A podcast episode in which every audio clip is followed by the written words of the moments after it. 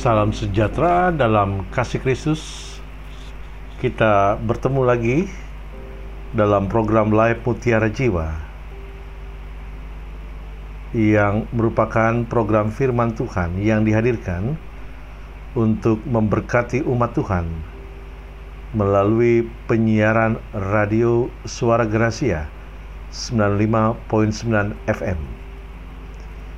Pada kesempatan ini, kami akan melayani Bapak Ibu melalui pewartaan firman Tuhan yang di mana pembacaan kita pada kesempatan hari ini terambil dari surat Paulus kepada jemaat 2 Korintus 8 ayat pertama hingga ayatnya yang ketujuh. Namun sebelum kita masuk kepada pembacaan dan perenungan akan firman Tuhan, mari kita berdoa memohon pertolongan Roh Kudus melalui pelayanan firman Tuhan. Mari kita berdoa. Tuntunlah kami, ya Bapa kami, dengan firman dan melalui pertolongan Roh Kudus, sehingga dalam kasih-Mu kami dapat melihat kasih dalam kebenaran Tuhan. Bahkan dan dalam kehendak-Mu ya Bapa, kami menemukan perdamaian melalui Yesus Kristus Tuhan kami. Dan bahkan kami bisa melaksanakan firman-Mu dan melakukannya dalam hidup beriman. Amin. Bapak, ibu, dan saudara yang terkasih di dalam Tuhan, baik bagi mereka yang ada di rumah, di kantor, maupun di tempat-tempat di mana Bapak, ibu, dan saudara bisa mendengar siaran program Live Mutiara Jiwa ini saya akan membacakan pembacaan dari surat Paulus kepada jemaat 2 Korintus pasal 8 ayat pertama hingga yang ketujuh di bawah perikop pelayanan kasih. Saudara-saudara, kami hendak memberitahukan kepada kamu tentang kasih karunia yang dianugerahkan kepada jemaat-jemaat di Makedonia. Selagi dicobai dengan berat dalam pelbagai penderitaan, sukacita mereka meluap, dan meskipun mereka sangat miskin, namun mereka kaya dalam kemurahan. Aku bersaksi bahwa mereka telah memberikan menurut kemampuan mereka, bahkan melampaui kemampuan mereka. Dengan kerelaan sendiri, mereka meminta dan mendesak kepada kami supaya mereka juga beroleh kasih karunia untuk mengambil bagian dalam pelayanan kepada orang-orang kudus. Mereka memberikan lebih banyak daripada yang kami harapkan. Mereka memberikan diri mereka pertama-tama kepada Allah, kemudian oleh karena kehendak Allah juga kepada kami. Sebab itu kami mendesak kepada Titus supaya ia mengunjungi kamu dan menyelesaikan pelayanan kasih itu sebagaimana ia telah memulainya maka sekarang, sama seperti kamu kaya dalam segala sesuatu, dalam iman, dalam perkataan, dalam pengetahuan, dalam kesungguhan untuk membantu dan dalam kasihmu terhadap kami. Demikianlah juga hendaknya kamu kaya dalam pelayanan kasih ini. Demikianlah pembacaan firman Tuhan, berbagilah mereka yang mendengar dan melakukannya hari lepas hari. Bapak Ibu dan saudara yang terkasih di dalam Tuhan, pembacaan kita dari surat 2 Korintus pasal 8 ini dituliskan oleh Paulus kepada jemaat di Korintus dengan maksud ingin mengingatkan mereka akan komitmen jemaat Korintus yang di mana mereka pernah berjanji kepada Paulus untuk memberikan berkat yang mereka miliki berupa sumbangan dana bagi Yerusalem. Namun, dengan berjalannya hari, mereka mulai undur dari janji mereka sendiri. Dan Paulus melalui surat ini ingin kembali menegaskan apa yang menjadi janji dari jemaat Korintus. Dorongan untuk melayani haruslah oleh karena kasih. Tanpa didorong kasih, maka pelayanan akan menjadi hambar. Karena akan menjadi seremonial semata. Namun, kita mesti mengerti kasih itu lahir di dalam hati dan tak bisa dipaksakan. Rasul Paulus mengatakan bahwa pelayanan kasih merupakan kasih karunia.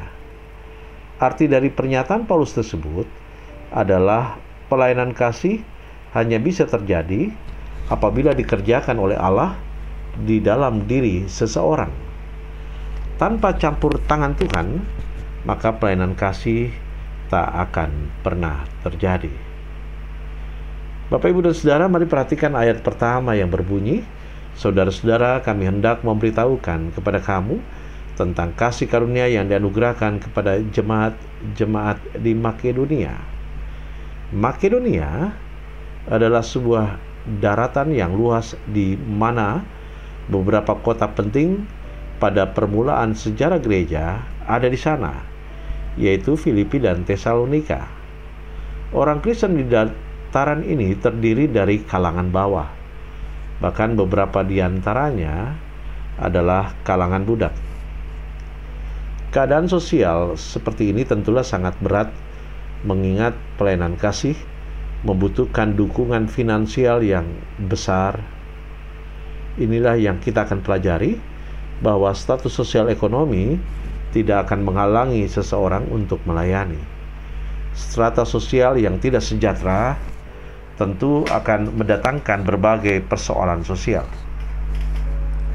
Penderitaan dan kesulitan dalam kehidupan tentu menjadi sahabat dekat kemiskinan.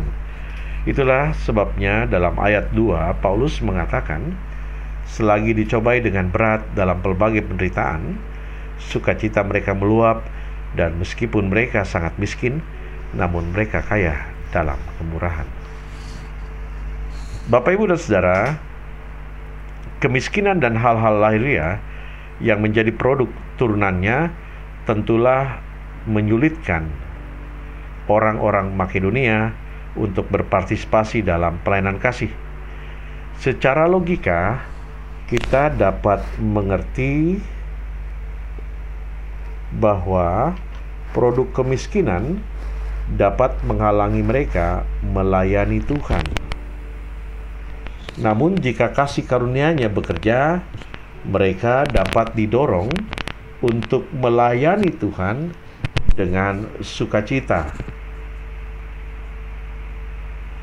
Kemiskinan material bukan lagi penghalang melayani karena Allah memperkaya orang-orang Makedonia dengan kemurahan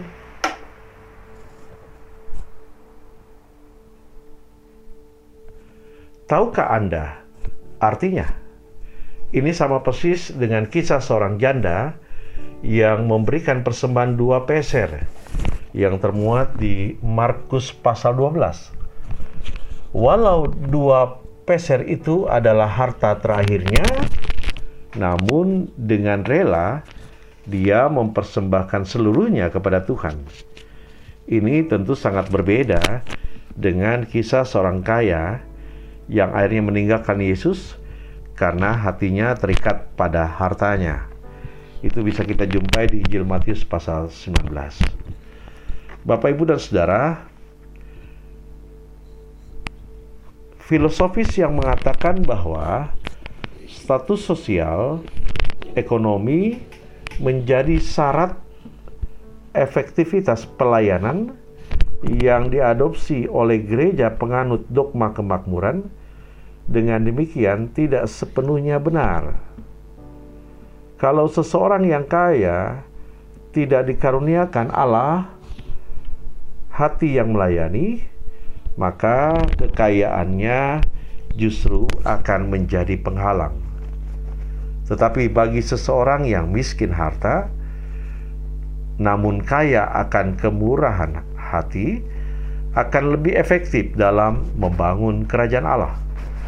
Ini yang ditegaskan Paulus dalam ayat ketiga yang berbunyi, Aku bersaksi bahwa mereka telah memberikan menurut kemampuan mereka, bahkan melampaui kemampuan mereka. Jadi di sini Bapak Ibu dan Saudara, memberi di atas kemampuan adalah tindakan yang hanya dapat dilakukan oleh seseorang karena kasih karunia. Hanya orang yang telah beroleh kasih karunialah yang akan tergerak dalam pelayanan ini.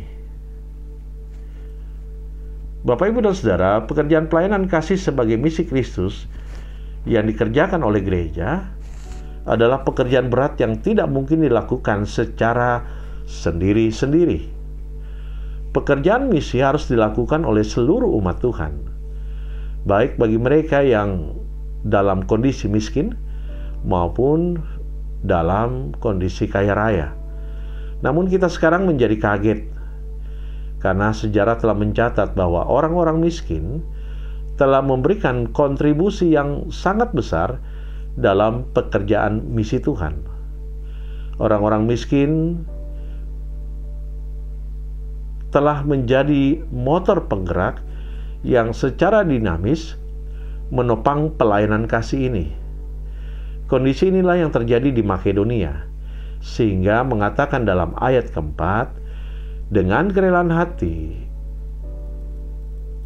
sendiri mereka meminta dan mendesak kepada kami supaya mereka juga beroleh kasih karunia untuk mengambil bagian dalam pelayanan kepada orang-orang kudus. Bapak, Ibu, dan saudara yang diberkati oleh Tuhan, pelayanan kasih yang sama masih dibutuhkan juga pada zaman ini. Kita juga terpanggil di zaman ini untuk ambil bagian dalam pelayanan kasih. Paulus menulis kepada jemaat di Korintus untuk meneladani gereja-gereja di Makedonia yang walaupun mereka miskin secara materi namun kaya dalam kemurahan hati. Maka dari itu, marilah kita orang-orang yang telah diselamatkan dan menerima kasih Kristus dan semua gereja Tuhan di akhir zaman ini memperkaya pelayanan kita dengan mengambil bagian secara nyata dalam pelayanan kasih bagi orang-orang yang membutuhkan pelayanan itu. Jemaat Makedonia jelas memberikan dukungan dalam pelayanan kasih bukan hanya berupa materi saja.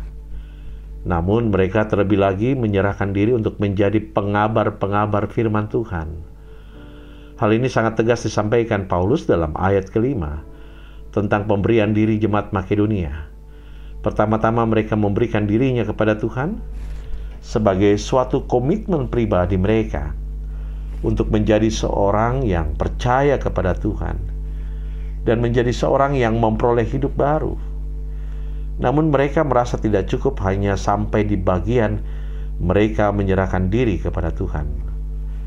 Mereka merasa ada yang masih kurang, yaitu mau memberikan diri mereka menjadi pengabar firman Tuhan.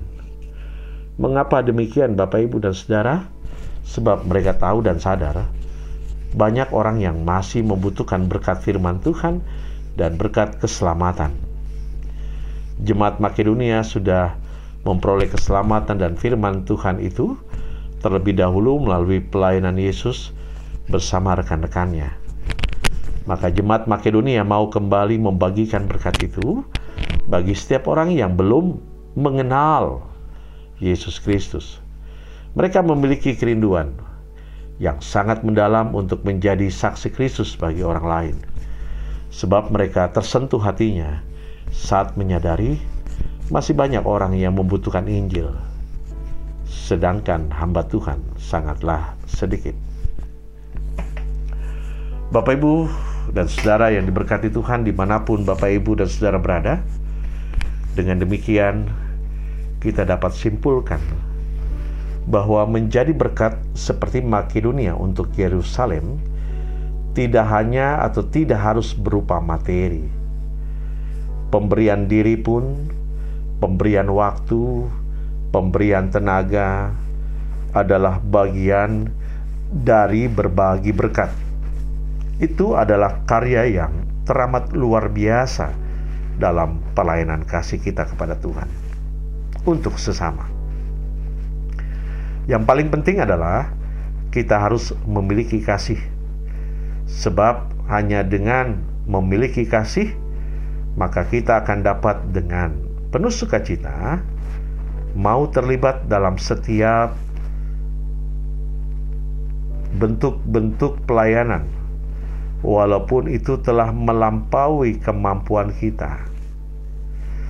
Jangan sampai menunggu punya waktu, menunggu punya uang, menunggu punya tenaga, dan lain-lainnya sebagai alasan menunda panggilan pelayanan seperti yang diindikasikan terjadi pada jemaat Kristus. Maksud saya jemaat Korintus, melainkan marilah kita menjadi Makedonia modern saat ini yang dengan sukacita kita bersedia dengan penuh kasih terlibat dalam misi pelayanan yang Tuhan karyakan bagi gerejanya. Tuhan memberkati Bapak Ibu dan saudara-saudara. Amin. Selanjutnya mari Bapak Ibu dan Saudara kita berdoa kepada Tuhan. Pakailah kami ya Bapak, selagi kami sudah memiliki waktu, selagi kami masih punya tenaga, selagi kami punya kesempatan, selagi kami masih diberikan kesehatan, selagi kami masih diberikan materi yang cukup, apa pun itu ya Tuhan, kami siap untuk ambil bagian dalam pelayanan kasih di tengah-tengah kehidupan kami selaku orang percaya. Karena itu ya Bapak, mampukan kami ketika kami sudah menjadi bagian dalam karya keselamatan Tuhan, maka sudah sepatutnya kami turut ambil bagian sebagaimana apa yang dilakukan oleh jemaat-jemaat di Makedonia. Mampukan para pendengar radio suara Gracia yang tetap tekun mendengar dan mengikuti program live Mutiara Jiwa. Mereka memiliki keterpanggilan yang sama. Sebagaimana mereka sudah banyak belajar di dalam pada saat membagi pelayanan kasih. Ketika kami turut membantu dan menopang saudara-saudara kami. Oleh karena kesulitan-kesulitan yang mereka alami, tanpa sungut-sungut, kami dengan rela hati dan ikhlas turut membantu mereka. Kami juga bisa membantu dalam pelayanan-pelayanan di gereja kami melalui pelayanan diakoni, diakonia membantu saudara-saudara kami di tengah jemaat baik menyangkut bantuan natura, bantuan pendidikan, bantuan kesehatan maupun hal-hal lain.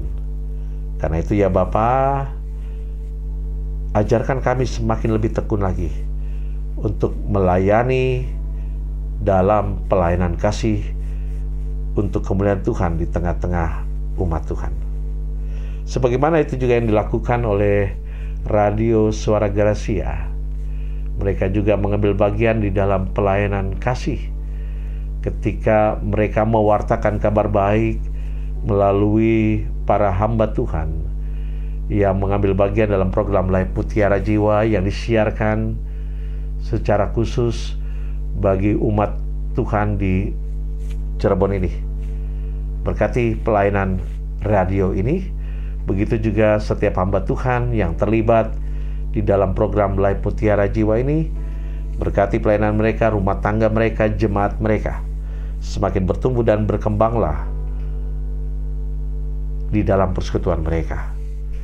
Begitu juga dengan kehadiran umat-umat Tuhan di kota Cirebon ini, biarlah mereka semakin tekun, sabar, ulet, dan sungguh-sungguh di dalam pelaksanaan pengabdian kehidupan mereka bersama dengan orang-orang yang mereka cintai. Berkati juga kota di mana kami tinggal. Biar damai sejahtera Tuhan tetap ada di dalamnya. Bahkan juga ketika gereja-gerejamu yang ada di Cirebon ini yang menjadi bagian dari persekutuan gereja-gereja wilayah Cirebon Ada banyak pelayanan-pelayanan yang dibuat. Berkati ya Bapak. Begitu juga dengan kehadiran anak-anak Tuhan yang bekerja di kota ini. Baik sebagai aparatur sipil negara maupun pekerja swasta. Urapi dan berkati mereka. Dan secara khusus kami mendoakan bagi kehidupan-kehidupan yang ada di sekitar kami. Para janda, duda, yatim piatu, maupun bagi mereka yang ditangani di pusat-pusat rehabilitasi. Tuhan topang mereka. Berikan penghiburan bagi mereka yang berduka cita. Dan kau juga yang akan memperlengkapi bagi keberadaan anak-anak kami dalam pendidikan mereka dari tingkat taman kanak-kanak sampai perguruan tinggi. Biarlah Tuhan tetap menyayangi dan memberkati mereka. Dan akhirnya kepada kami semuanya. Kasihmu tetap ada dan tinggal menetap bagi kehidupan kami. Ya Tuhan, dalam pengasihanmu kami memohon, dengarkanlah doa kami, peliharalah kami dalam Yesus Kristus Tuhan kami, yang telah mengajarkan doa Bapa kami secara bersama-sama. Bapa kami yang di surga, dikuduskan namamu, datanglah kerajaanmu, jadilah hendakmu di bumi seperti di surga.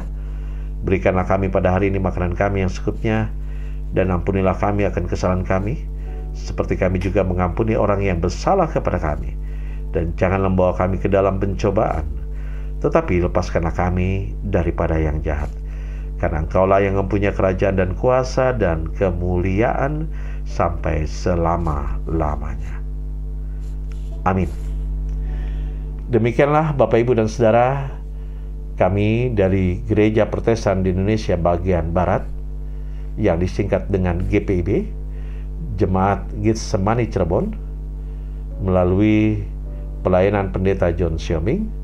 Semoga apa yang boleh kami persembahkan melalui program Live Mutiara Jiwa ini, maka kita akan diperkaya melalui firman yang tadi kita baca dan dengarkan bersama.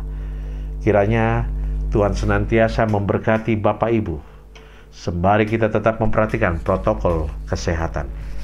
Tuhan Yesus memberkati kita semua. Amin.